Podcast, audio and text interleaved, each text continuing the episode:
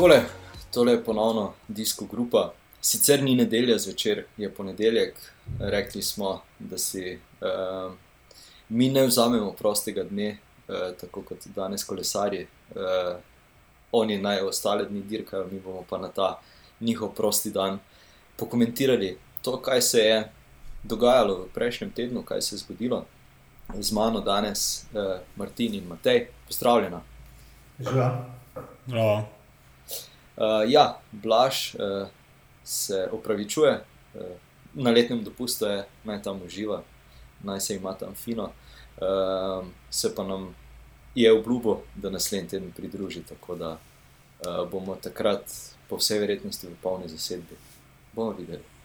Um, ok, uh, kaj bomo danes pregledali?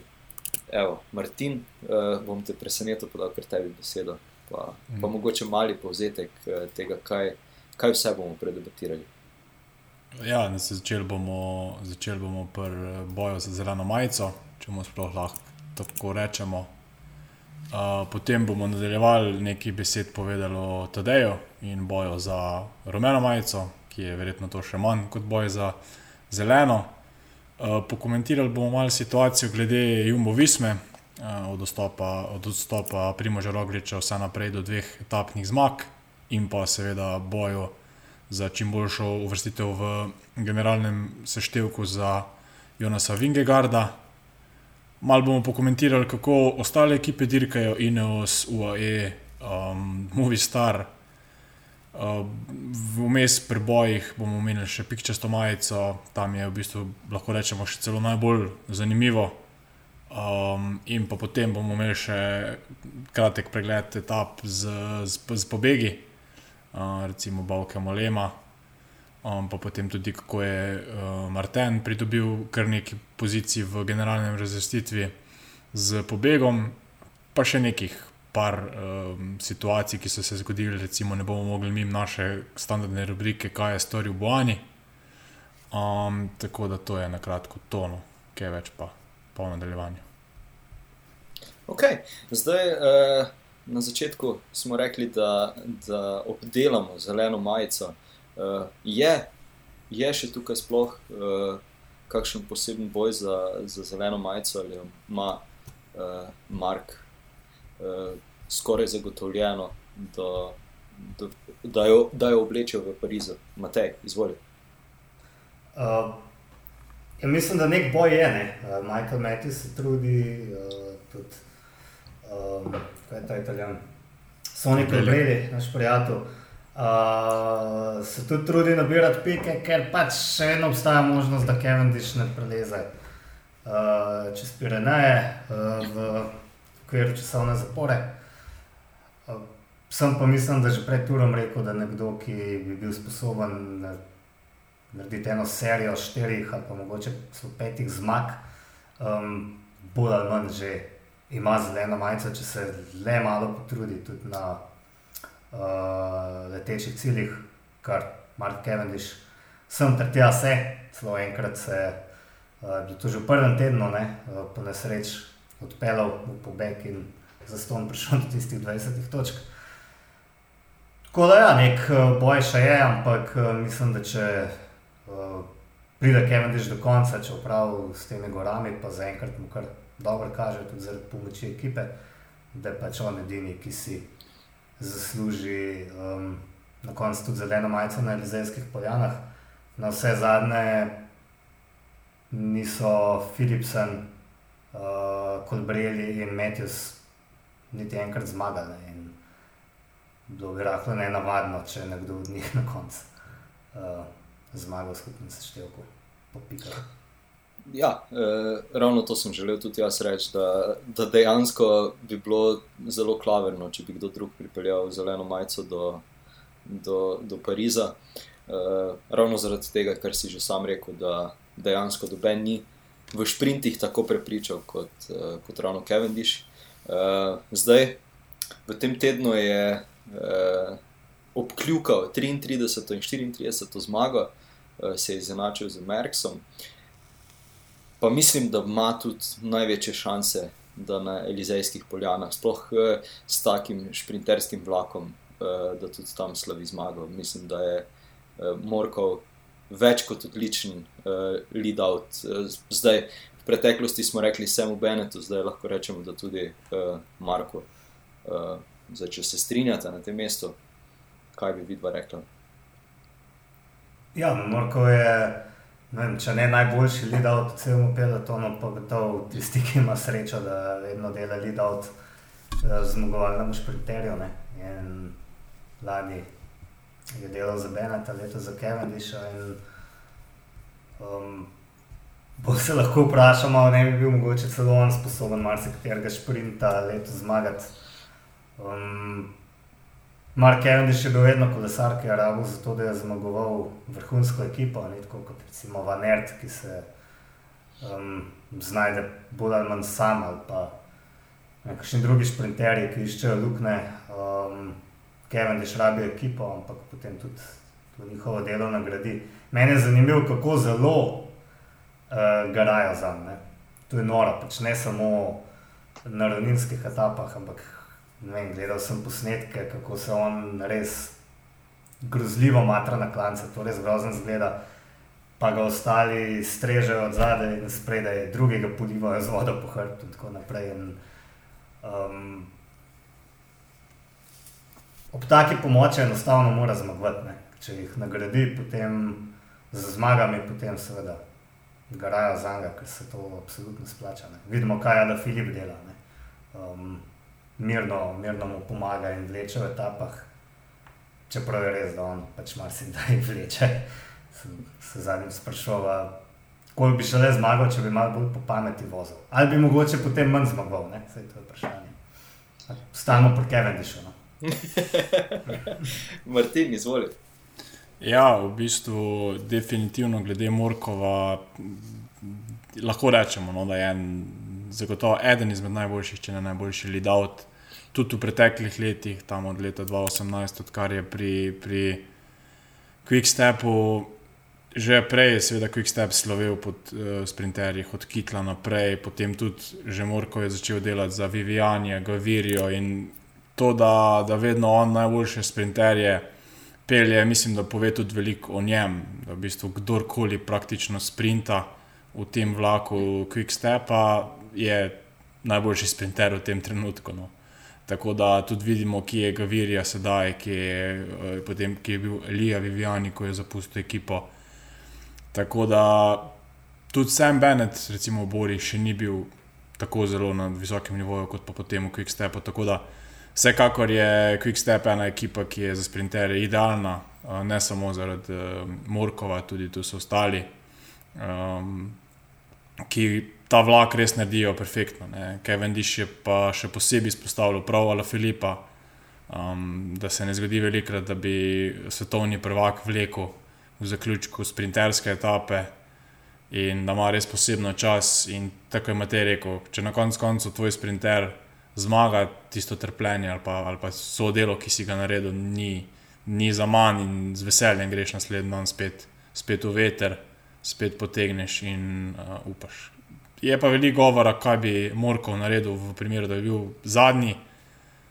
Nekoliko specifike je tisto, ali si ti lead out ali si ti sprinter. Mislim, da niso vsi lead outi primerni za, za, za sprinterje. Mislim, da je tudi že uh, Luka Mezgec sam rekel v parih intervjujih, da je veliko rajš uh, on sam uh, lead out, spravi zadnji pred sprinterjem, kot pa da mora samo sprintati, ker nekako mu bolj bolj leži ta vloga in mislim, da je z razlogom ostaja na tem mestu najboljšega lead-outa, kot pa da bi bil recimo povprečen med uh, sprinterji. Ok. Um, ja, zdaj v tej, uh, oziroma pri tej 34. zmagi se jim, je, se jim je skoraj da ravno to zgodilo, da je Morkov prišel v cilj uh, po nesreči pred Kevin Tišem, čeprav ok. Uh, ampak vseeno, ja. Drugače pa, Matej, izvoli. Uh, ti, si, ti si z Luko vseeno malenkost več v stiku. Uh, je, si mogoče ti tudi uh, prišel do takšnih informacij ali pa ja, izvoli.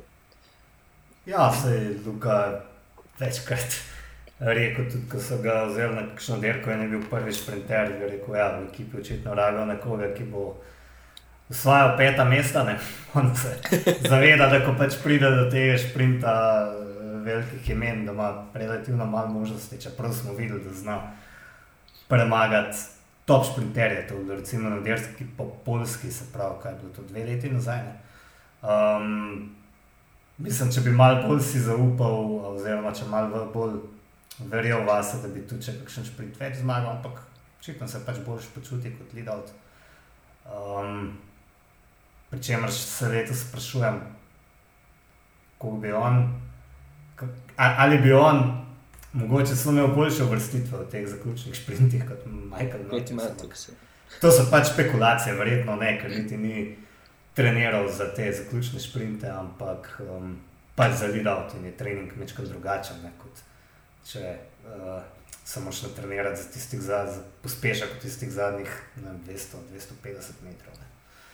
Um, hotel sem izpostaviti, no, da je se v bistvu Kevin Dišov vlak začne že uh, zelo zgodaj v etapi, ne, da uh, začne v bistvu traktor, ne, to je Tim de Klerk. Um, zakaj je to tako pomembno? Zaradi tega, ker on v bistvu sam nadzira celo etapo in se zato prihrani ostale ne, za ta zaključni vlak. Sprav, ni, ni treba, da sta dva ali pa ne, mogoče celo tri od Dekonika v teh začetnih 100-150 km na čelu, ampak to naredi en človek. Um, zato mi je bilo to grozno gledati, ko je ravno v tej uh, etapi, kjer je Kevin Diš 34 zmagal, uh, padel na tistem movinku, ki je bil popeskan, očitno. Uh, Še posebej grozno je bilo potem naslednji dan gledati, ko je odpadal od črte, ko me je držal, ko so, ko so potegnili iz uh, štarta in sem res upal, da bo prišel do konca. Ampak če kdo, potem on, ne. pa če tudi bi sam celo etapo mogel pregoniti, če kdo, potem to tim deklerk. Definitivno. Uh, ja, tisti padec je kar uh, ponovno uh, zagodo vsem ekipam po vrsti.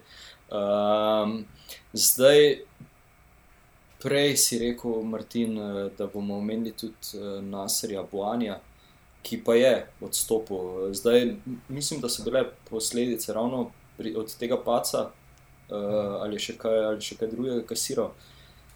Edino, kar vemo, je, da se, da se je v eni etapi držal za avtomobil, že takrat bi moral biti diskvalificiran, potem pa je kasneje uh, odstopil um, sta vidva videla kaj več, uh, veste kaj več od mene, sem kakšno neumnost povedal.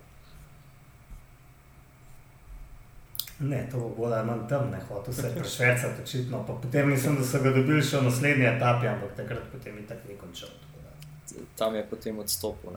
Kljub okay. temu, da ga imamo v zobeh, no ga je meni škoda, ker je bil, ker je dober sprintov, ne, letos. In vem, če tako pogledamo, mogoče je bilo malo dolg čas, če Kevin Diš zmaga še 35 in 36, kar se mi ne zdi popolnoma neverjetno. Ne.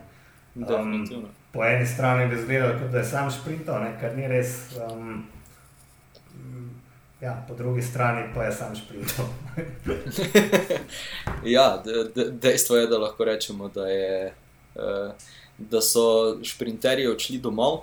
Uh, mislim, seveda ne vsi, ampak uh, večina njih.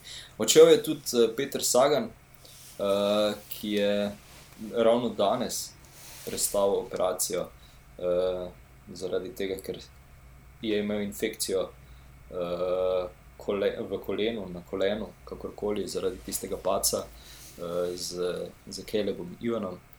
Tako da je še v bistvu dokaj dolgo zdržal. Zdaj na tisti fotografiji je izgledalo res, kot da ima dvojno koleno. Eh, če ste jo mogoče videli, eh, ki so jo objavili. Um, ampak ja, torej, zdaj, če potegnemo pod črto, boj za zeleno majico, sicer še je odprt, ampak bolj kot ne ga pripisujemo, oziroma zeleno majico lahko rečemo, da pripisujemo Kevin Dišu, če se strinjate. Ja, samo na yes. koncu pregurane lahko, po moje, zelo potegnemo usporednico tudi z naslednjo točko, ki bo verjetno boj za, za rumeno majico. In lahko rečemo podobno. Zgolj, če uh, Kevin Diš ne pride do Pariza, podobno kot če to dej, um, nekje pade oziroma ima neke druge težave. Lahko govorimo o tem, da je boj odprt. Tudi pri rumeni majici, vsaj po mojem mnenju, ni tistega resnega boja na cesti. Vidimo tudi, da ti napadi, ki so, ki so se zdaj v teh zadnjih, oziroma prvih prinejskih etapah, zadnjih etapah v, v zadnjih dneh dogajali, niso bili pretirano resni. No. En napad uh, Vingegarda je bil uh, omembe vreden, pa še ta je, da je sam rekel, da je, da je nekako bolj sam sebe poslušal, pa, pa ga potem raje na spustu ujel. Uh, ker tudi spet ni bil tako zelo nevaren, vse ostalo so pa jalovi, jalovi napadi. Um, tako da, ja, jaz mislim, da tako boj za zeleno majico, kot boj za rumeno majico, je predvsem odvisno od tega, kaj bo ta trenutna glavna favorita uh, storila v, v naslednjih uh, etapah. Ja, uh, in ravno prejšnjo nedeljo smo začeli uh, to temo, oziroma smo rekli, da, da jo načnemo, ker se bo slejko prej. Uh, začelo namigovati, tako kot se pri vsakem nosilcu rumene majice na dirki po Franciji začne. Torej, na tisti prost dan so se začela vprašanja in namigovanja na, na prepovedane substance, bom tako rekel, torej na, na doping TD-ja. Uh, zdaj, tu, tukaj je moje mnenje, predvsem to, da ker vem, da imajo v vseh teh ekipah. Uh, strokovnjake za, za stike oziroma odnose z javnostmi, da ga mogoče niso dovolj dobro briefirali ali pripravili. Um, da, da je mogoče ravno s tem, s tem uh, prišlo do tiste malenkost uh, popačene komunikacije, kjer so ga potem obtoževali vsakojakega uh, enakega odgovora, kot ga je nekdo. 20 let nazaj uh, uh, povedal, zdaj pa, kakšno so, kakšno so vajno mnenje, uh, kdo uh, bi želel besedo. Ok, Martin, izvoli. Ja, zdaj to je večna debata o kolesarstvu. Če ne, že odprej, pa z definitivno časa Lensa Armstronga naprej, in te debate ne bo nikoli konc. Um, tudi v ostalih športih je definitivno prisotna, v kolesarstvu pa toliko bolj izrazita. Uh, bral sem eden od novinarjev, oziroma novinark uh, francoskih časnikov, je, je povedal, da ne more v bistvu tedej trenutno nič narediti takšnega, kot da, da bi lahko ovrgel vse te sume, enostavno mora dirkati, ker tudi Armstrong je v tistih časih dajal po, po tri um, po tri teste na dan, pa vemo, kako se je potem ta zgodba končala. Ampak ja, tudi jaz sem mnenja, da pač ta DSA naj s tem ne ukvarja. Um, zlobni jeziki oziroma to vrstne špekulacije bodo vedno prisotne in enostavno ne smemo priti do živega. Vemo tudi, čez kakšne stvari vse je, šel Kris Frum, pa je še vedno um, večkratni zmagovalec, vsaj za enkrat mu teh stvari še niso vzeli, ni rečeno, da mu nikoli ne bojo, ampak uh, enostavno mora dirkati, mora ostati v sedanjosti, um, se truditi, da, da nekako ni, ni nobenega dvoma, se pravi, da ne spusti kakšne doping kontrole oziroma. Da ne da nekih dodatnih povodcev, potem na cesti pa, pa enostavno samo pač pelje, koliko lahko. Um, zdaj se še tudi pojavlja tista namagovanja, češ da od tiste etape naprej, ko si je pač privozil to veliko razliko, vozi z rezervo, ravno zaradi tega, da ne bi še bolj govorili. Ampak uh, tudi zdravnik ekipe UAE je dobro rekel, da v bistvu tudi letos ni nič kaj ekstremno dober, da so številke slabše kot lani uh, in da enostavno ostali niso na tem nivoju. S čimer bi se mogoče strinjal, zdaj je spet, uh, kaj bi se zgodilo, če bi bil v pelotonu še primož, ne vemo. Uh, ampak trenutno, kot sem že prej omenil, v boju za rumeno majico, res niso ti kolesari na tem nivoju. Ekipa Ineosa je, recimo, vsaj v zadnji etapi dobro začela uh, na vid tempo, ampak če potem nimaš kolesarja, ki bi to nadaljeval, je ta, to delo za manj. In če smo prej rekli pri sprinterjih, da z veseljem greš naslednji dan ponovno na etapo, če veš, da bo tvoj sprinter zaključil delo, če si pomočnik v gorah, pa če vidiš, da tvoj tvoj uh, kapetan ni pravi, potem je verjetno še do, precej bolj mučno v tiste klance voziti, ker vsi vemo, da to so pa še potem ekstremni napori, še daljši napori. In, um, kar se dobinga tiče, to bo vedno prisotno. No. Tega se ne bomo, ne bomo rešili. Mislim, da ne moramo, ne, ne mi, ne tedej, enostavno nič, nič proti tem. Ja, meni je zanimivo, da v bistvu že celo leto vemo, da sta Pogačar in Roglič razred zase. Um, se se vsi čudijo, da ima pet minut prednosti pred vsemi. Um, Pričemer je on v bistvu izkoristil verjetno en zelo dober dan, uh, ko mu je šlo še vreme na roko. Um, dobro, mogoče bi celo še bolj sumljiv, ne, če tako pogledamo tisti kronometer, ki je premagal celo Stefana Kunga. Um, ampak tudi, tudi ni bil njegov prvi vrhunski kronometer. Ta obtoževanja so se pojavila že lani po Le Planche de Belfil. Um, s tem bo moral pač živeti, kako je. Um, zanimivo mi je bilo, da je uh, zdravnik Uwe Emirates tudi govoril o tem, kako je on mentalno močen.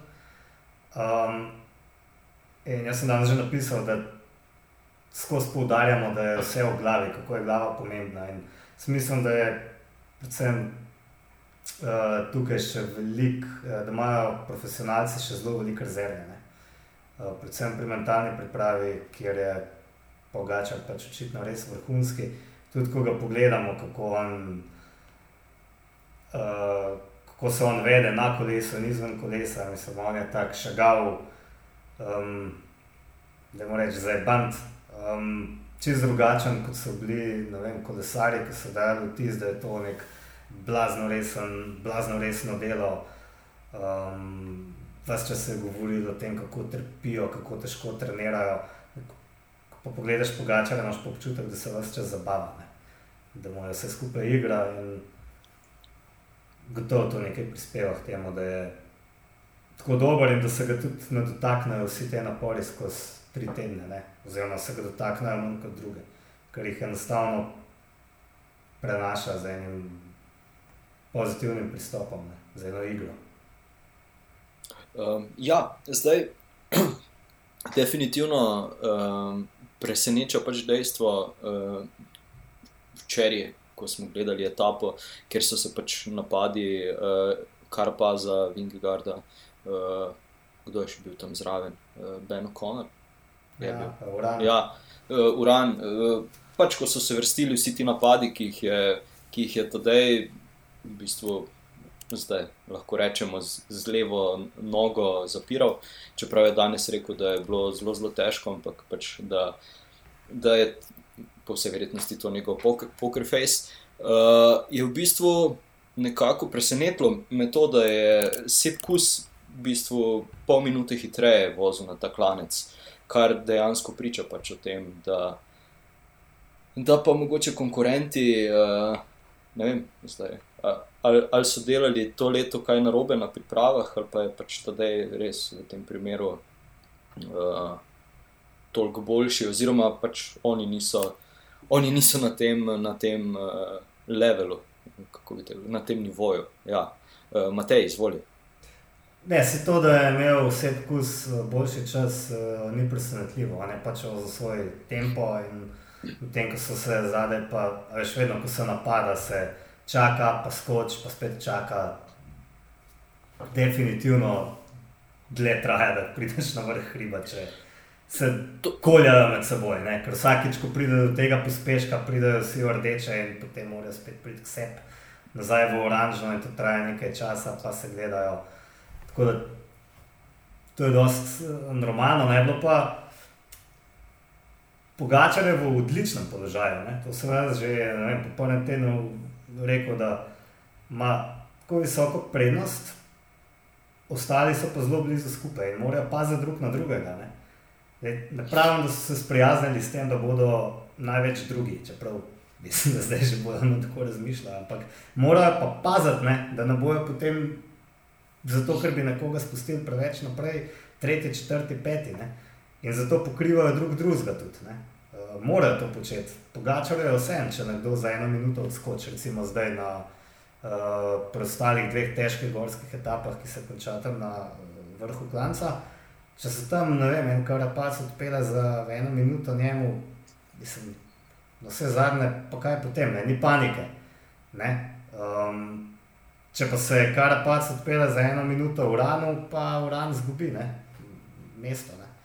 Um, tako da tukaj ima eno prednost pogačar. Um, se mi je pa zdelo smešno, da je potem proti koncu se kar on spredaj postavil, naštel svoj tempo in vse skupaj umiril. To je ena taka zanimiva, se mi je zdela, malo je red sam naredil. Um, kot gotovo najmočnejši spet v tisti skupini. Ne? Definitivno. uh, Martin, izvoli. Ja, zdaj tu ob tem na koncu, oziroma to je bilo že kar nekaj časa prej, ko se je tudi postavil sam na čelo. Je v bistvu tudi njemu po eni strani verjetno lažje odpeljati nekako njegov tempo, ker ve, da če odpelje svoj tempo pod maksimumom, bo skokov ne bo. Um, in bo ta tempo lahko, lahko relativno normalno držal do cilja. Če pa nekje čaka v zadju, se bodo zgodili pa neki skoki in te skoke, bolj ali manj, vse en treba pokriti. Uh, vemo, da sicer lahko pusti kakega kolesarja minuto, tudi dve, ampak je vse en tedej dovolj previden in uh, gre, gre enostavno varno, varno proti cilju. In tudi zato je pač, po mojem mnenju, nekako šel na čelo. Poleg tega, da je te, tempo res padel na trenutke, ker so se pač res samo gledali.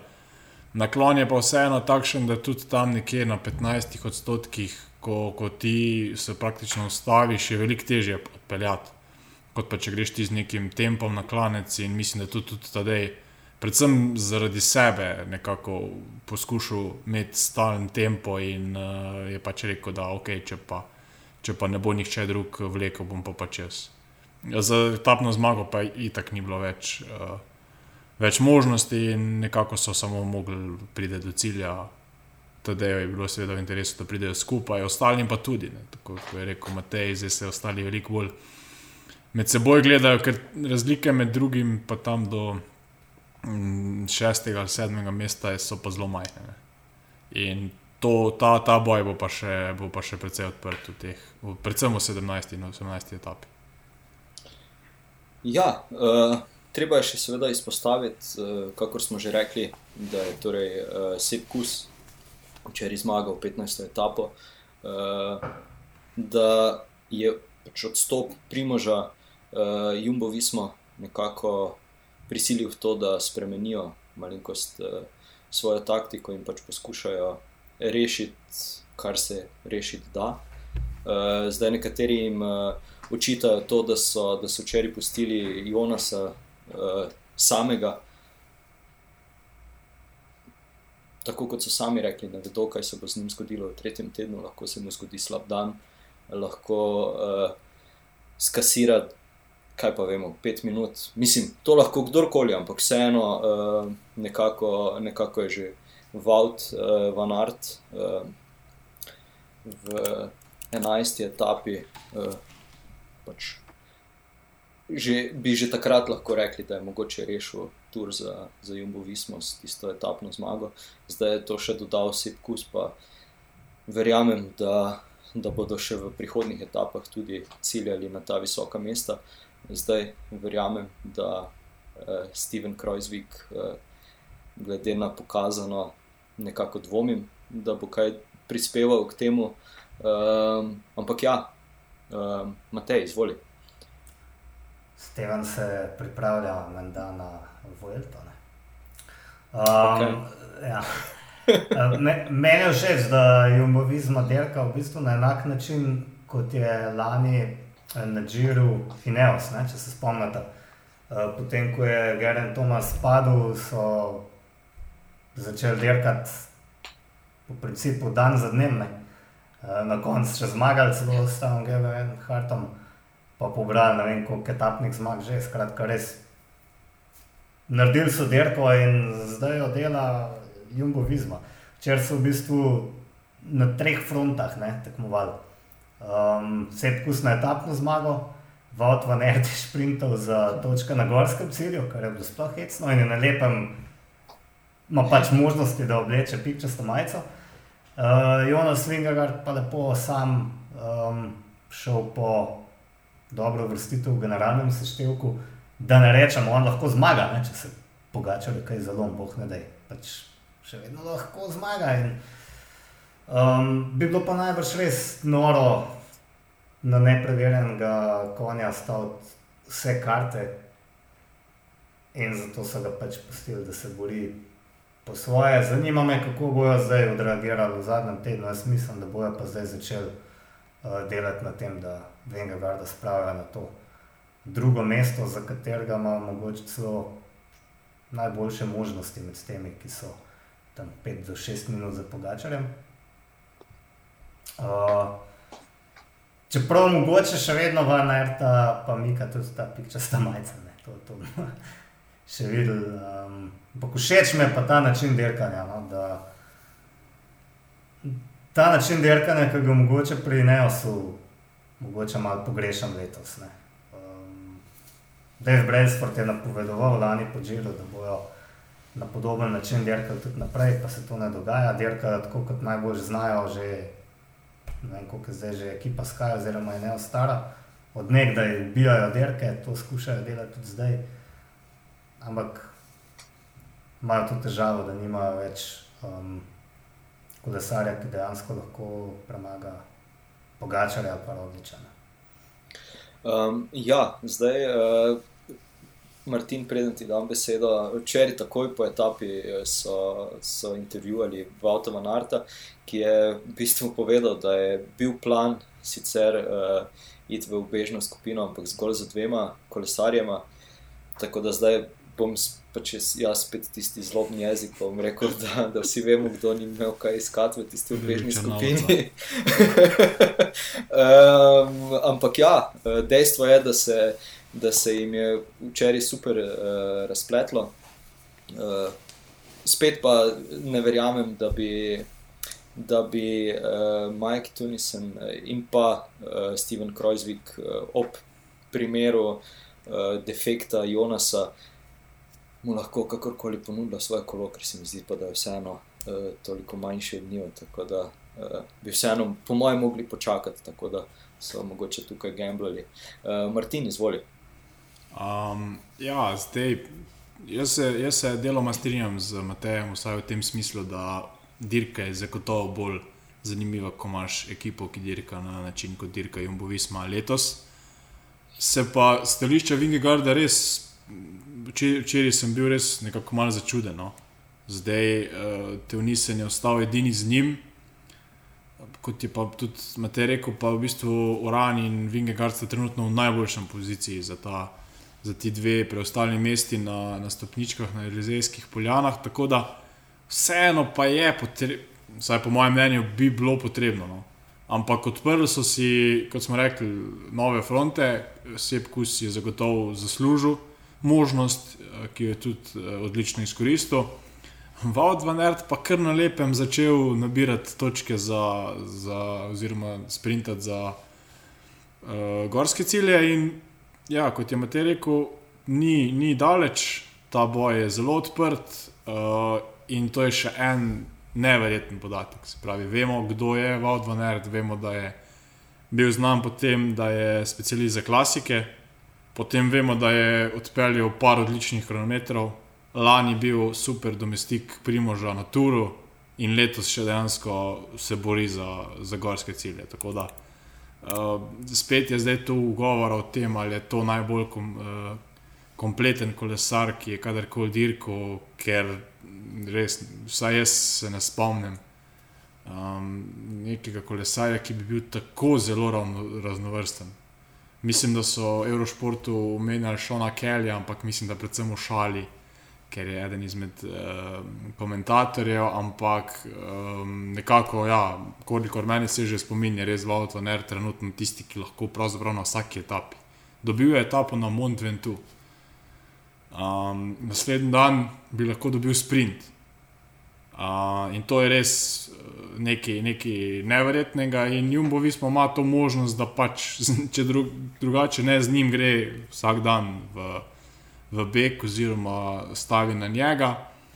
Um, bi, pa, bi pa ja, tudi zaslužil si Vingegard, glede na to, da je, je odlično sprejel to vlogo kapetana po, po odstopu Primoža, da nekako mu sedaj pomagajo.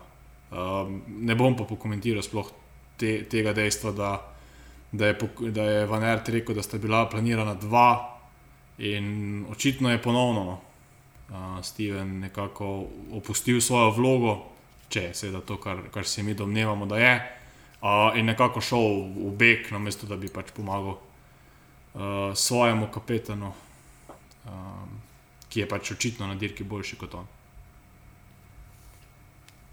Definitivno no, se strinjam. Ja, mogoče smo malo preveč strogi, gledano do starega Stevena. Ker bil je pa najbolj tudi koristen v tej obežni skupini, ne, za Sepa Kusa in Vauta Vanerta. Malo že najbolj že zaradi številke. Mogoče smo pozabili, kaj se rešiš, le. Nič, nič. Rano človeka, ki ga imamo tako zgleda. No, rekel, da ne bi rekel nikoli ne. Proti njemu, kaj. Okay. Uh, ne, prej sem pozabil omeniti, kako zelo je bil Avtonet koristen. Ja, sicer je šprintal za pike, ampak je bil pa vse čas v pomoč vse pokusa. On mu je pomagal, vmes je videl, da je tudi vse pokusa robo sprejemal in je on potem oddajal v spremljevalni avto ali v sodnikov avto. Um, to je eno, potem je vmes pobiral pike na gorskih ciljih. Na koncu je pa še za Vingegarda delal, ker se je vrnil nazaj. Ne? Tako da on je v bistvu en človek, ki je v eni etapi upravil tri naloge. Ne? Tako, rekoč, pač, um, tako da je imel Vingegard na koncu neko pomoč. Imel, no? Se pravi, mislim, da zdaj so pa srečni, imajo dve etapni zmagi in se bojo malo bolj posvetili uh, delu za Vingegarda. Mogoče so včeraj res malo tvegali, um, to je res, ampak. Tvegali so, če se spomnite, tudi na dirki po Baski. Ne?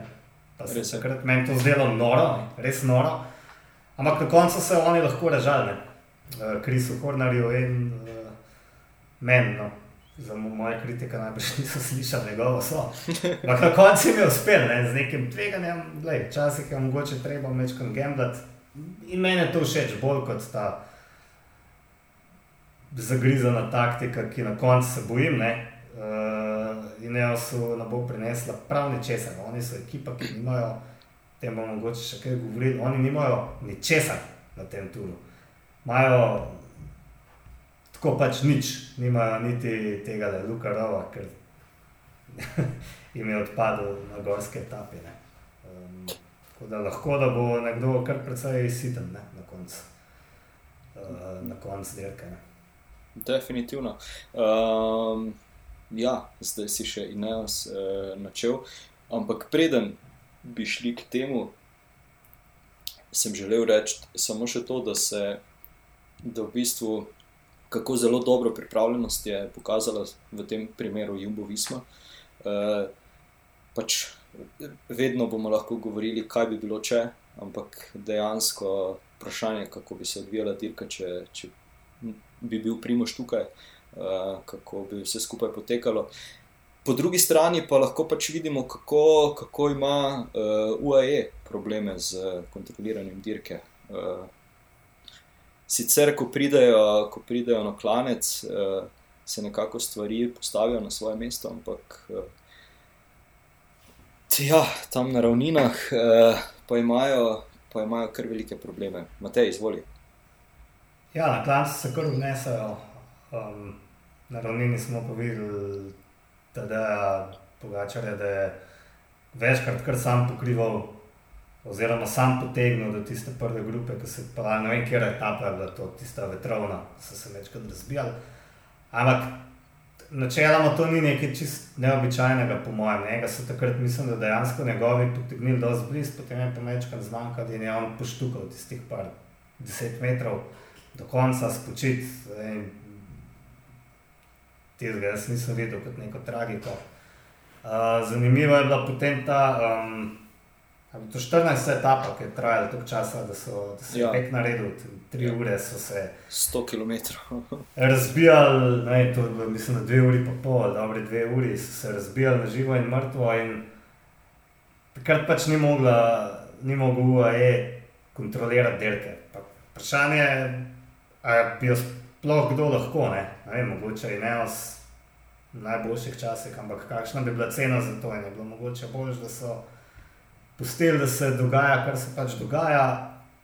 Trpeli so zaradi tega vsi, ampak um, pogača več bolj kot drugi. Ne.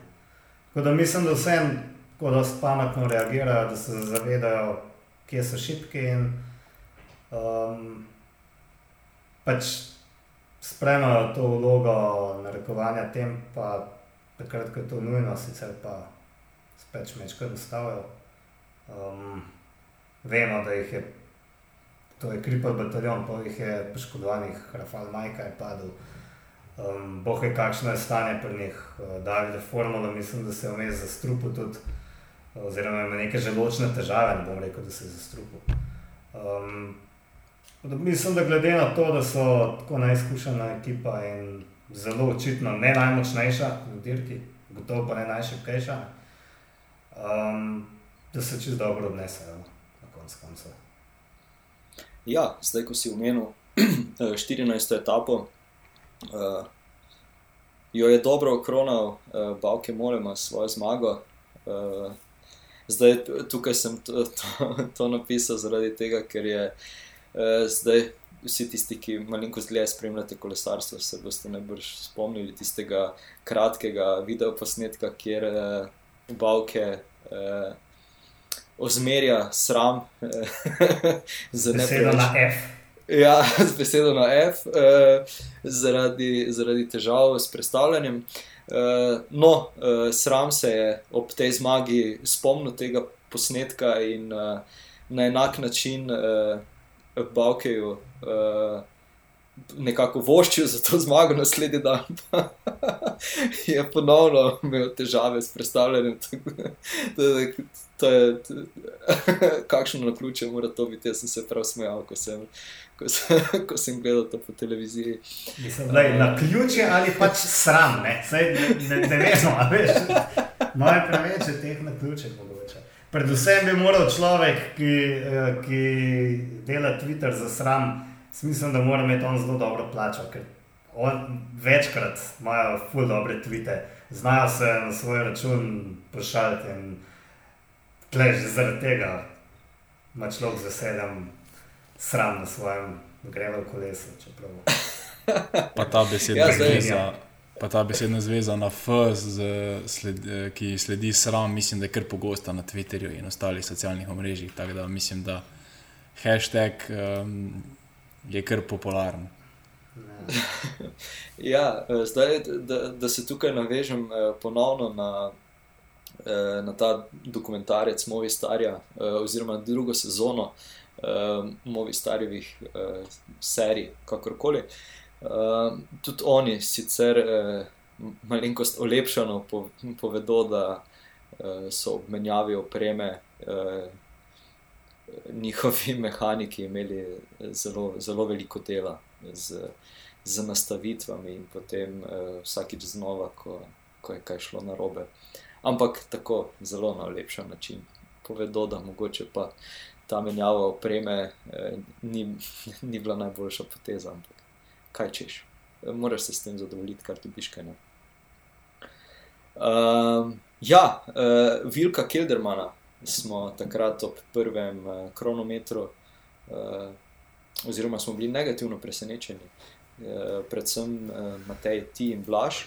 Uh, zdaj, če je verjeti, uh, je imel takrat ogromne težave s komolcem, ki si ga je poškodoval takrat na prvi etapi, uh, kjer je tista nesrečna uh, navijačica uh, za dedja in babico uh, sklatla pa v pelotona. Uh, ampak se dejansko dobro drži, Vilko, ima dejansko možnosti za, za top 5, na kar so bojda na začetku tura ciljali.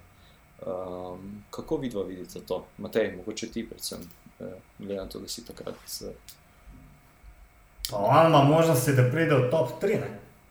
Se na ti to, zdi? je dober kronometrist. Ja, nekaj mehne možnosti so. Ne? Približno toliko možnosti, da pride med prve tri, ima kot jih ima Richard Karapas, če me ne vprašaš. Mogoče par sekund slabše možnosti. Ampak mene je tako presenetilo, ker sem mislil, da je lanski Giro bil njegov vrh njegove kariere. Um, vedno mislim, da je on pač človek za deseterico in kdo je človek za deseterico, je mogoče bož, da se usmeri v etapne zmage, kot se recimo Balke Mulema. Uh, v neki fazi je pogrunto, da deseta mesta ne pomeni ne vem kaj. Um, ampak tako, mislim, da pa letos res bolj malo ga vidimo, ne? ker na koncu odpade te, um, da smo si na jasnem, pač za pogačarjem so nek faktor, zdaj predvsem Uran, Vingegard in Karapas. Um, njega takrat nekako niti ne vidimo, ampak zaostanek ima pa relativno majhen, ne? za Uranom manj kot minuto. Tako da um, jaz kar malo navijam za njega. No? Okay. Tako naj ravno te kolesarje, ki mi pokažejo, evo, zadar, zdaj. Spet si se zmotil, ne? Pojma nimaš. Martin, kaj pa, ti, kaj pa ti misliš? Ja, za top 5 definitivno mislim, da bo, bo v igri do konca, eh, glede na njegov kr- kronometer, ne, ne na tega zadnjega, ampak na kronometer, ki kot vemo, da ga zna odpeljati. Uh, vseeno pa mislim nekako, da sta Vingegard in pa Uran trenutno, vsaj no, ukolikor ne pride do nekih um, katastrof v 17 in 18 etapi, vseeno tudi na kronometru sposobna dovolj dobrega časa, da zadržita to, to pozicijo na stopničkah. Uh, se pa strinjam, da, da definitivno po, po lanskem Džiru še enkrat dokazuje, da, da je nekako konstanten kolesar, ampak spet. mm, Mislim pa, da je ta top 5 na, na letošnjem turu nekako njegov najvišji doseg. Um, Ukolikor se ne ponovi, recimo lanski, lansko Giro, ko se stvari precej premešajo, pa še takrat recimo vemo, da mu je zmanjkalo za, za kaj več kot um, tretje mesto, ampak uh, je no, en tak kolesar, ki, ki je že kar nekaj časa zraven, uh, brez nekih večjih uspehov in tudi takšnim kolesarjem uh, privoščiš. Uh, Se pa strinjam tudi s tem, da ali, ali se preoblikuješ potem v super domestika ali pač greš na, na etapne zmage. Zdaj Bora nima nekega kapetana, ki bi bil bolj izrazit um, in nekako on je tisti, ki, na katerega ciljajo. Vemo tudi, da Sagan je odstopil, s Saganom so šli po etapne zmage. Um, Zaenkrat tudi ekipa Bore ni, ni pokazala še praktično neke No. dodane vrednosti. Razen Spodje je zmagal in to Ja. je čudovito. in, in, za, in začetka uh, Šeliga. Uh, beg, beg Polita je bil v bistvu še največje presenečenje od vseh pobegov. No. Um, nekako spet so pa mogoče uh, iz drugega plana prišli kolesarji. Stavili so recimo na Keldermana in uh, Sagana, Kelderman se zaenkrat drži odlično, um, ostali pa pač preseneča. Kot Ja, je veš, recimo kaj pa mene Damaskus. presenetilo, ne? Prosti, da te prekinjam. Mene je pa presenetilo, da je Nils Polit pravzaprav um, šele uh, prvič zmagal na uh, Derke Ortura. ne. Um, on je bil leta 2018, ali bilo 2018, je bil na uh, Paris Rubeju drugi, ne? Ne, to je bilo pa, ni bilo leta 2018, to je bilo 2017. Glavno, enkrat je bil drugi. Uh, tako da me bolj presenetilo to, da po tistem ni kaj dosti pokazal in je bila verjetno kakšna njegova zmaga, tako da na turu samo vprašanje časa. Ne? Um, sem je vesel. Tako bil full, tudi tako zelo težke etape je zmagal in na res lep način. Ne? 2019 je bil drugi. Ja. 2019 je bil tako, na prvi so bili drugi. Ja, zdaj, uh, tukaj sem si pripravil eno vprašanje, ki ga, uh, ki ga večkrat, uh, oziroma večkrat vidim ali pa preberem. Se tudi vama zdi, da je mogoče premalo teh ciljev na klanec, ki bi poskrbeli za kakšne spektakle, ki smo jih bili vajeni v preteklosti. Uh, zdaj, sicer v tem, v tem tednu prihajajo takšne etape, ampak ponavadi je tur postregel že vsaj v drugem tednu, če ne v prvem, z kakim mountain top finišem. Uh, kaj vidva mislite, Martin? Ja, v letošnji izvedbi se mi zdi, da tudi klanci na, na usponu ne bi bili, ne bi precej spremenili zadeve. Uh, vemo sicer, da so ti spusti po gorskih ciljih uh, v zaključku etap nekako možnost, da tisti, ki na klancu odpadejo, še priključijo, ampak uh, vseeno je dirka nekon, do, ravno dovolj kontrolirana strani UAE oziroma TD, da nekih, vsaj v generalni razvrstitvi, nekih uh, drastičnih sprememb ne bi bilo. Etapne zmage, ravno, ravno zaradi tega se uh, rešujejo že prej, se pravi, v, res veliko pobegov letos na Turu, česar mogoče nismo bili vajeni v preteklih sezonah, uh, predvsem zaradi dominacije ekipe Sky oziroma Ineos. Um, bi mogoče, ne vem, edina stvar, ki bi bila verjetno to, da bi še kdaj poskusil v, v zaključku etape še s kakšnim napadom, um, ker bi vedel, da lahko še kakšno etapno zmago pobere. Drugače pa ja, spektakel bi bil večji, ne bi pa rekel, da bi bilo za generalno zastitev karkoli bistveno drugače. Ok, ok, Matej. Se teorija je bila, da bo zaradi tega, ker ni ciljev na vrhu klancev, to je bolj zanimivo. To je bila teorija. S tem bi naj bi tudi pogačali v mečkem prestrigli peruti, e, pa mu jih niso. Um, je pa res, da v etapi čez Montventu um, zaradi tega Vingegard ni pridobil popolnoma ničesar. Če bi bil cilj na vrhu, pa mogoče bi. Jaz mislim, da če bi bil cilj na vrhu, da bi tudi pogačal. Ja, pogačal ne spustil. Malo kasneje spustil to, ne. bi pa gotov, bi pa gotov fasal, 10-20 sekund. Kaj pa vem, pa še kakšno sekundo um, pribitka zaradi bonifikacije. Um, ne vem, meni so všeč no, te etape, ki se nakončajo na vrhu. Um, bolj, mislim, da so vsem bolj odprte.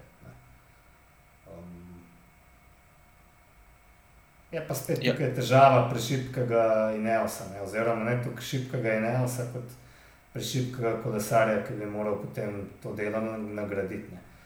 Um, vse nek na Montetuju smo videli, ne? tam ti si bil smešen. Um, Deloitte je v bistvu rekel, da je Ineos um, pripravil odličen teren za svojega kapetana Jonasa Vingegarda. Ker dejansko je tako bilo, pač ko je, ja. je zadnji rekel Kwiatkowski, ko je on uh, odvil je pač kar pa samo nadaljeval praktično v istem tempu. Isti tempo je bil, ne če šlo sploh kaj hitreje. In seveda so se potem razpalili. Um, tako da, ja, mislim, da je bil to problem, da, da, da je nekdo na tem turu premočan. Ne. Definitivno. Ker predstavljamo si pa, da pogačarja ne bi bilo, ne? da ga ni. Bi bilo pa to zdaj prekleto napeto. Ne? Ja, uf, itak bi, itak bi čist drugače vse skupaj izgledalo, ampak lahko si predstavljamo, da bi bilo kar divje. Um, definitivno bi bilo divje. Uh, zdaj, da se navežem nekaj, kakšno minuto nazaj, ko si rekel, da si ti všeč uh, cilji uh, na spust, kakorkoli uh, cilji spustom. Uh, pa mogoče Valverde, uh, ravno včeraj ni zmagal zaradi tega, čeprav jaz, jaz temu odgovoru ne verjamem, da je šel uh, uh, na varno stran uh, in se zadovoljil z drugim mestom. Se mi zdi, da pač enostavno je tukaj se pkus, uh, dosti bolj poznal ceste, uh, pa dejansko si mogoče malenkost več upal no, kot uh, Alejandro. Uh, Martin, izvolite. Ta trditev bi veljala, če bi eh, Alejandro Valverde prišel prvič z gorski cilj, mogoče bi veljala. No. Um, tako pa je pač kus že na gorski stil, cilj bil v vodstvu in potem v, na spustu še nekoliko celo pridobil.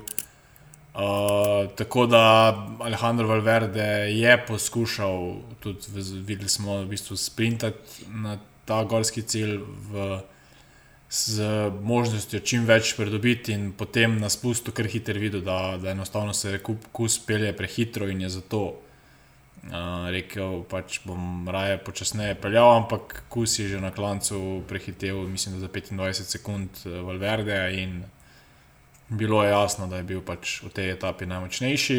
Valverde je pa mogoče nekoliko zamudil tisti njegov napad mm, in ostal brez, brez etapne zmage. Ampak Valverde, ne 41-letnik, je bil drugi v eni od vem, treh kraljevskih etap, tudi teh kraljevskih etap, zdaj se je kup. 41 let star možakar, jaz sem zadnjič videl, da ima človek pet otrok pač do 41, da jih nekaj že narediš, ne, če si pridem. No, pet otrok ima in zdaj naj on razkera tam spustil.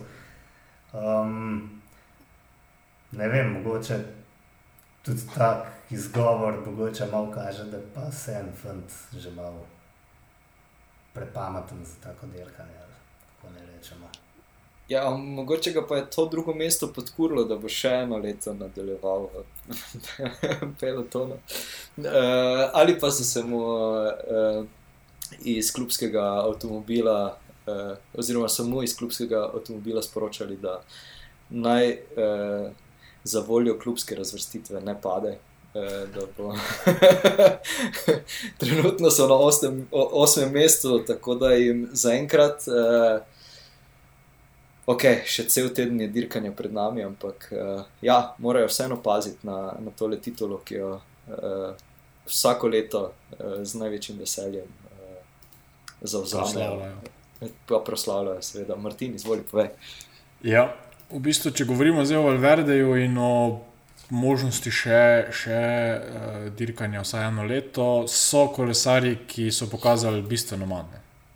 Eh, pri starejši starosti. Ne. Ne vemo, da je Nibali uh, objavil, da, da gre se pripravljati na, na olimpijske igre. Krisa Fruma praktično, praktično nismo videli, razen v disko grupi. Uh, tu je tudi Tomas, ki je nekako bil nesrečen s tem pacem. Uh, dejansko od teh, uh, da rečem, master C-jev me je v enem izmed sprintov celo malce presenetil Andrej Grajpel. Um, nekako od vseh ostalih teh starejših kolesarjev pa je Valverde vsaj za, za razred boljši. No, ne bi se čutil, no, če bi še eno leto dirkal, ker na način, ki dirka, je v bistvu eden od glavnih favoritov Movistarja. Uh, čeprav je tudi uh, treba pohvaliti, recimo Enrika Masa, ki se pelje precej dobro no, za, za njegov sloves, oziroma za sloves ekipe Movistar, me je nekako presenetil, medtem ko popolnoma razočaral tudi Miguel Angel Lopez. No, ja. Vse vemo, da je Master B tudi Mark Cavendish. Ne? No, vse pravi, če to pa. On, pa. on je pa izven te kategorije. Ja. Njega pa itak izvzemamo. Uh, ja. Uh, ja, kaj še nam je ostalo? Ostalo nam je še to, da, da bo pa nekdo uh, že veliko pred. Uh, pelotonom, oziroma pred karavano uh, v Parizu, torej uh, Lahmen Morton, na njegovi alternativni, oziroma na njegovem alternativnem uh, turu, dirki po Franciji, alternativni, kakorkoli, zdaj sem malenko za bluzo. Uh, ampak ja, uh, v natikačih. Uh, Skoraj um,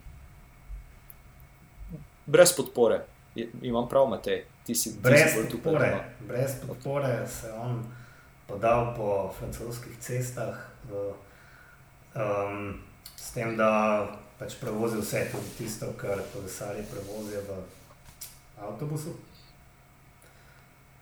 Tako on je res reklama za kolesarstvo, no, kako je hecanje. Pač, ne vem, pri njemu vidimo, da res uživa na biciklu. Ne vem točno, kakšna je njegova prihodnost v profesionalnem kolesarstvu, ampak jaz ga tam ne vidim. On je tako kot um, njegov kolega pri IF, e pa mi je zdaj ušlo iz glave, ta večni talent, američan. No. Tu si tukaj tudi meni zdaj. Do Lawson Craddock, oziroma. Ne, ne, ne, ne. ne. Um, Lej, šlo mi je z glave, sorry. Um, to so neki te hipije, fanti, ki tudi naredijo tako malo bolj zabaven peloton. Um, ja, tudi to, da on pač potuje po Franciji v teh sandalih, takih kot je Jezus Kristus oznanjal uh, vero uh, pred 2000 leti, ne, to je pač noro. On se vozi na in Super Sixu v teh šlapah.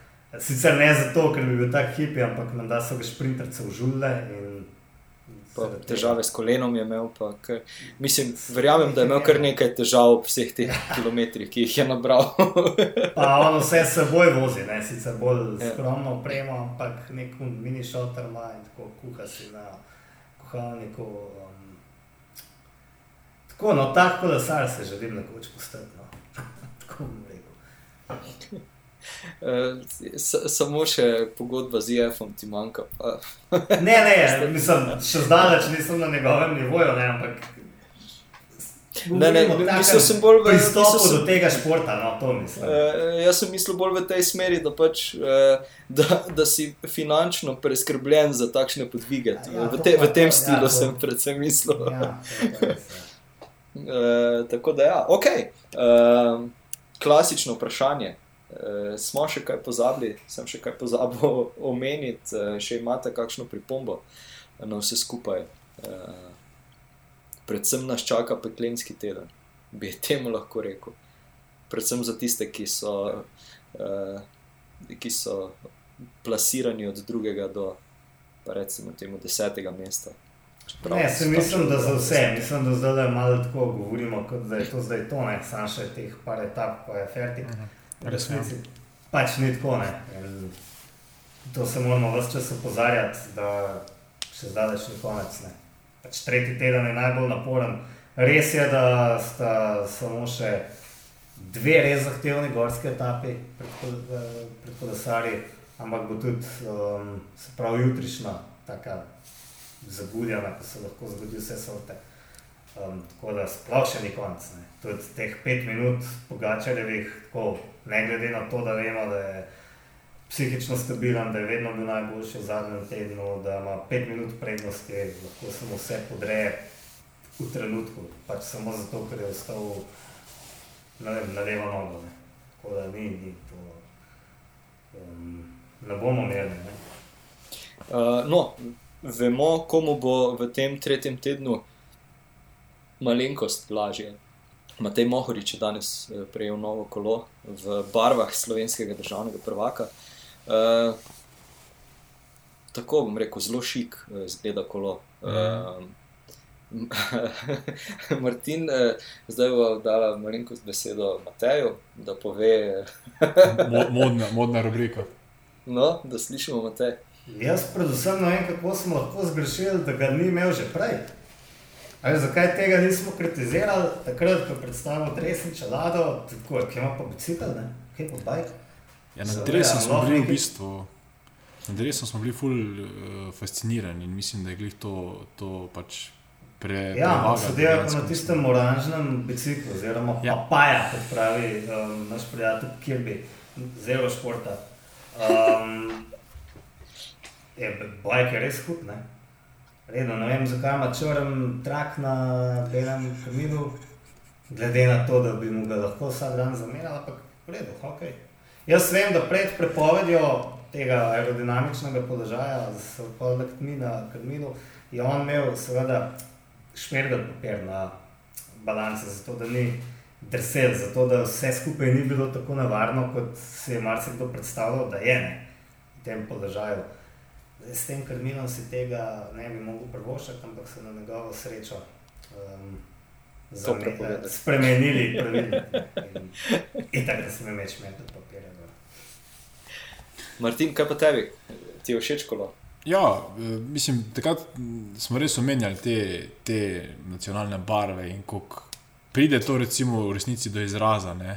Zdaj, kolo se mogoče ne bo videl iz uh, aviona, ampak na teh bližnjih posnetkih, pa danes, ko je v bistvu Matej objavil, se pa res vidi. No? In, um, to je nek tak detajl, ki tudi kolesarju verjetno pač pomeni nekaj, ker bomo realni v teh etapah, predvsem 18 in 18, bo Matej še prekleto veliko gledal v, v tla, v, v balanco in v kolo, in pogled mogoče na, na, na te barve, slovenske barve, mu bodo olajšale uh, pot na ukreber.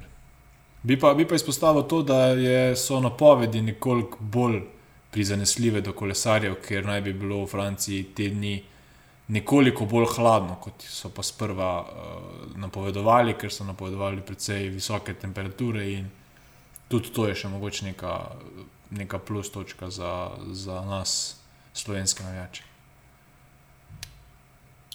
Uh, še za nas, ne? Uh, ja. Sorry. Uh, so nekoli breli, ne, um, po enakem principu pobarvano kolo. Ne, prav, ja, vem, samo njega nisem želel omeniti. No, bi me čudil, če ne bi imel, ker verjetno bi imel prej on. Bi... Jaz ga nimam tako zadeh. uh, ja, eh, želel sem samo komentirati, da, da žal nam, navijačem, eh, francoske temperature ne bodo uh, nič kaj prizanesle, uh, predvsem bodo kolesarjem, uh, v tem primeru Tadejo, ki mu to bojda veliko bolj odgovarja. Um, tako da, ja, uh, tako kot sem rekel, zanimiv teden nas čaka. Um, sicer še ni nič 100% dogovorjeno. Tako da ne nas vleči za jezik, če se to ne zgodi, ampak po vsej verjetnosti se v soboto vidimo v Ljubljani, kamor ste, seveda, vsi, ki tole tako živo poslušate, ali pa preko podcasta, ali pa kakorkoli, bomo tudi naredili dogodek, ste vabljeni na kolesarjenje v Velobar, kjer bomo po, uh, bom zdaj rekel, že klasičnem postopku se dopoledne dobili, uh, odkolesarili eno super rundo, en super coffee ride, uh, pa potem posedeli, kaj dobrega, pojedli, popili, pa si pogledali. Uh, tisti zaključni kronometer pred uh, nedeljskim, nedeljsko parado, uh, na, na Elizejskih poljanah. Uh, zdaj pa mislim, da je čas, da uh, gremo na trivije vprašanja, če sta za, seveda. Ja, vidimo. Pojdimo. Okay. Bom tokrat uh, jaz prvi, zato ker lahko. Uh, ja, veliko, uh, veliko je v tem tednu bilo tudi tem na kolesa zmagovalcev, kolesa kolesarjev, kakorkoli. Uh, jaz sem šel tukaj pa v to smer, da sem, vsi vemo, da je UCI meja uh, minimalna teža kolesa, da je 6,8 kg. Um, pa me je zanimalo, kakšna pa je bila največja teža uh, kolesa, oziroma najvišja teža kolesa prejšnjih zmagovalcev in kateri so to bili. Uh, zdaj, boste mogoče vseeno ugibala uh, težo, pa jaz potem povem, ali, ali bi potrebovala. Zmagovalce kakšno... ne bi, no. Verjetno iz leta 1650. Te bo presenetilo, te bo presenetilo. Uh, da, ja, ampak ok, uh, cifre. Kakšna je bila najvišja teža kolesa? Sem to vagal 25 kg in več, ne? 120 okay. leti skoraj. Okay. Mislim, če si Martin. rekel, da me bo presenetil, ja, definitivno pod ne vem, nekih 15 kg, definitivno ne bi rekel, ampak bi pa rekel, da pod 20. No. Okay. Okay. Zdaj, seveda, če, če te številke lažejo, potem se jaz lažem dalje. Ampak eh, našel sem razpredelnico, torej vseh zmagovalcev eh, Tura, njihovih koles in pa koliko so tehtali. In sicer najtežje kolo uh, imelo 10,4 kg, uh, Roger Pinžon, Pinžon, ne vem, uh, leta 1967 uh, je vozil tega Peugeota. Zdaj Matej tukaj uh, viha v brvi. Uh, ja, tudi mene je presenetilo, ravno zaradi tega, ker je potem uh, drugo najtežje kolo uh, Mihela in Durejna. Uh, leta 93, torej Pinarello z 10,3 kg. Uh, Tako da ja. Ja, veš, kako, kakšni so bili bicikli Ja. leta 1900. Pa saj vem. Pa Saj material, ne? Ja, tako da ne, ne, to. Tiste tehtali 25 kg in več. Ne. Tako Da, Uh, po, Ampak je res, da precej prej ne. To bi jaz rekel, da ti podatki držijo, ne vem, recimo po drugi svetovni vojni ali pa kaj podobnega, pred recimo tam začetki tura. Pa, pa bi, bi rekel, da definitivno več. Mislim, te, Um. na tej razpredelnici definitivno nimaš verjetno tistih prvih izvedb podatkov. Uh, teh prvih izvedb ni bilo. No, ampak, Ja, ja, ja. Uh, ja v, tej, v tej zgodovini po, po drugi svetovni vojni. Pa, ja. Razumem. Ja. Ampak To pa to- vidim, da, da to- se Matej že s temi kilogrami po drugi svetovni vojni ne strinja. Uh, ne, ne, s tem se strinjam. Ne, ne, s tem se strinjam. Ampak, nasploh. Ja, tiste prve izvedbe, pa zdaj bom uh, mogoče streljil v prazno ali pa zelo, zelo vehementno rekel, da mogoče še niso dobro mogli stehtati kolesa v tistih časih. tako. na vse vage so pa že imeli. No. Ja, no. Dok nazaj bo tudi Mogoče tu. pa niso, niso se ukvarjali s težo kolesa. Ne? Ja. Bolj so se z, z, z težo govedi ukvarjali v tistih časih, po moje. ok, gremo raje dalje, da ne, ja, da ne zgubljamo časa s tem, s tem trivijem uh, stvarmi. Um, kdo se javi? Lahko, lahko grem jaz. Okej. In sicer moje vprašanje je, lansko leto dvojna slovenska zmaga. Katera država in pa kdaj je, je imela zadnja pred uh, Slovenci tak uspeh? Ja, Velika Britanija. Leta? Ha, dva- de- 2019? Ne, dva ne, ne, ne, ne, čakaj, čakaj, čakaj, ne, butec. Uh, čakaj, kdaj je Geren Thomas zmagal? Uh, fuck, zdaj mi padlo. Dva. No, Matej, Ne, tvoj odgovor je deloma pravilen. To je bila Velika Britanija, ampak ne dvojec Frum Thomas, ampak dvojec Wiggins Frum. Sicer leta Ok. 2012, ker 2012. takrat, ko je Thomas zmagal, je v bistvu med Thomasom in Frumom bil še Tom Domolen. A, In ok, sicer sem- To je bilo leta 2018. Uh, pa še eno pod vprašanje, kdaj so pa francozi imeli na zadnje dvojno zmago? Zdaj pa gremo še malo bolj v zgodovino. Ja. To pa mislim, da je bilo kar uh, pred letom 90. Ja, če je tudi zadnja francoska zmaga bila pred letom 90, Ja, tako da to. Ne, to je v bistvu bilo leto, leto pred zadnjo, zadnjo francosko zmago, leta 85 je Bernard Ino zadnji, kot zadnji francos dobil dirko po Franciji, leto prej sta pa v bistvu je bil pa drugi in ga je premagal uh, Laurent Fignon, ja. tako da leta 1984 je bila zadnja dvojna francoska zmaga in samo Bog ve, kdaj se bo to ponovilo. Ne kaže ravno dobro. Tako. Matej, ti si še ostal na vrsti. Mene je presenetilo, da ima Slovenija na turu um, šele 8 etapnih zmag, ker se zmagujejo v zadnjih letih kar naprej. Ampak ja, 8 jih je, 4 Pogačar, 3 Roglič, 1 Mohorič. Uh, zanimivo je, da ima eno več uh, Uzbekistan, torej 9 zmag. In me zanima, če slučajno veste, kdo je kolesar, ki je dosegel vse te zmage. Uzbekistanec. Sanja se mi nekdo v pelotonu je bil, oziroma je iz Uzbekistana. Ja, Žal ni ne. več, ni ga več v pelotonu. Okay. Tudi če bi vedel, najbrž ne bi znal izgovoriti uh, imena. Uh, Džamudin Abdul Džaparov. Opa, opa, opa. Zelo.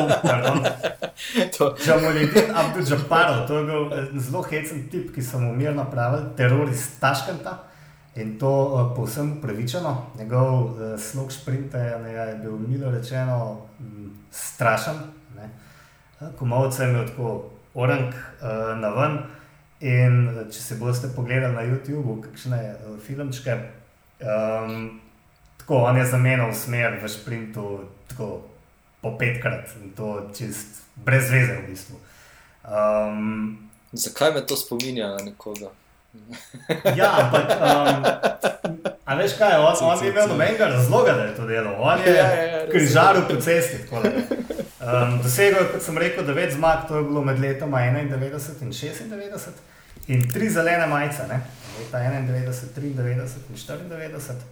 Zanimiva je bila um, prva zelena majica iz leta 91, ki jo je osvojil kljub temu, da je 100 metrov pred ciljem padel, ker je iz neznanega razloga zavil desno v ograde, se je razbil katastrofalno. To se pa spomnim.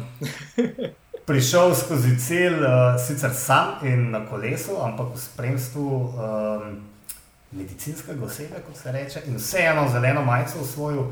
To je bilo, mislim, da tisto leto pred Loronom Žalaberjem, ki je bil takrat še šprinter, predtem se je uh, mogoče tudi zaradi tega, ker je mogel s tem norcem šprintati um, in se mu je zdel prenavarno, raj preusmeril v Brdaša in je osvojil potem pikčaste majice. ne. Um, Skratka, leta 96, ne, še ena zanimivost je pa zadnjič na turu zmagal, se pravi njegova deveta zmaga, je bila pa dejansko na gorski etapi, kjer je zmagal iz pobega. Tako da še en vsestranski kolesar, ki je potem neslavno končal svojo kariero leta 97, ko je padel na dopingu, eh, recimo piše v enem letu sedemkrat, od tega eh, dvakrat samo na svojem zadnjem turu. Bi pa mogoče kaj več o njem lahko povedal Jure Pavlič, ker je leta 91 z njim dirkal v ekipi Carrera, v tistih dresih eh, v barvi džinsa. Jeans, wow, Ja. ja. zakon. Tako. zakon. Zelo zanimivo. A ni dobra zgodba, no? Vrhunska, sem. Pa mogoče gremo- najboljši, najboljši vzdelek kolesarja vseh časov, terorist Taškenta. Predstavljaš? Mene, mene bolj zanima, kako si lahko dvakrat pozitiven na turu istem. Ni prvič dost. Ja, nekaj časa traja, da pridejo. Uh, Ja, Res, okay. A veš, pa to je bilo pač le 30 let nazaj. Ja, Grozen tip, tudi ko ga pogledaš v fotografiji. mislim. ja, verjetno tega, tega uh, nadimka ni dobil uh, ne. Ja, Zastonj. Vsi so se ga bali. ne. Meter 74, 72 kg, ne, žival. No, se tudi Tim Deklerka na kolesu bi se izkrbal danes, ko, ko ga pogledaš. Jaz mislim, da bi bil presenečen, ko bi ga videl živo. ne. Ja, ne, se, jaz prav na kolesu, ko bi ga videl živo, bi pa bilo tam druga zgodba. Ja. Uh, ja, zelo zanimivo. No, ok, good, vrhunska. Ja, kaj če Tako da, če mislite, da je najhujši vseh časov uh, Baneret. na Srboani ali pa Ja, taki. Ne, imamo Džamulidina Abdul Parova. Jaz sem se naučil izgovoriti. Ko- Koliko časa si treniral to? Da, How sem to? dejansko, dejansko, dejansko sem danes pred podcastom nekajkrat ponovil to. Jaz sem za to zgodbo približno vedel, no, ampak nisem pa nikoli si mogel zapomniti kot človeku ime. Se si tudi jutri ne boš več. Ja. Zdaj me vseeno utruješ s to zgodbo. Hej, a veš kdo?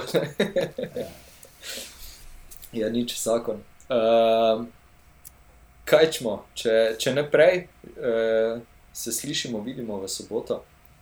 Uh, do takrat pa čim več na kolo, pa spremljati turne.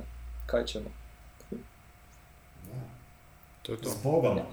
Srečno. s Bogom. Čau, čau, kaj je.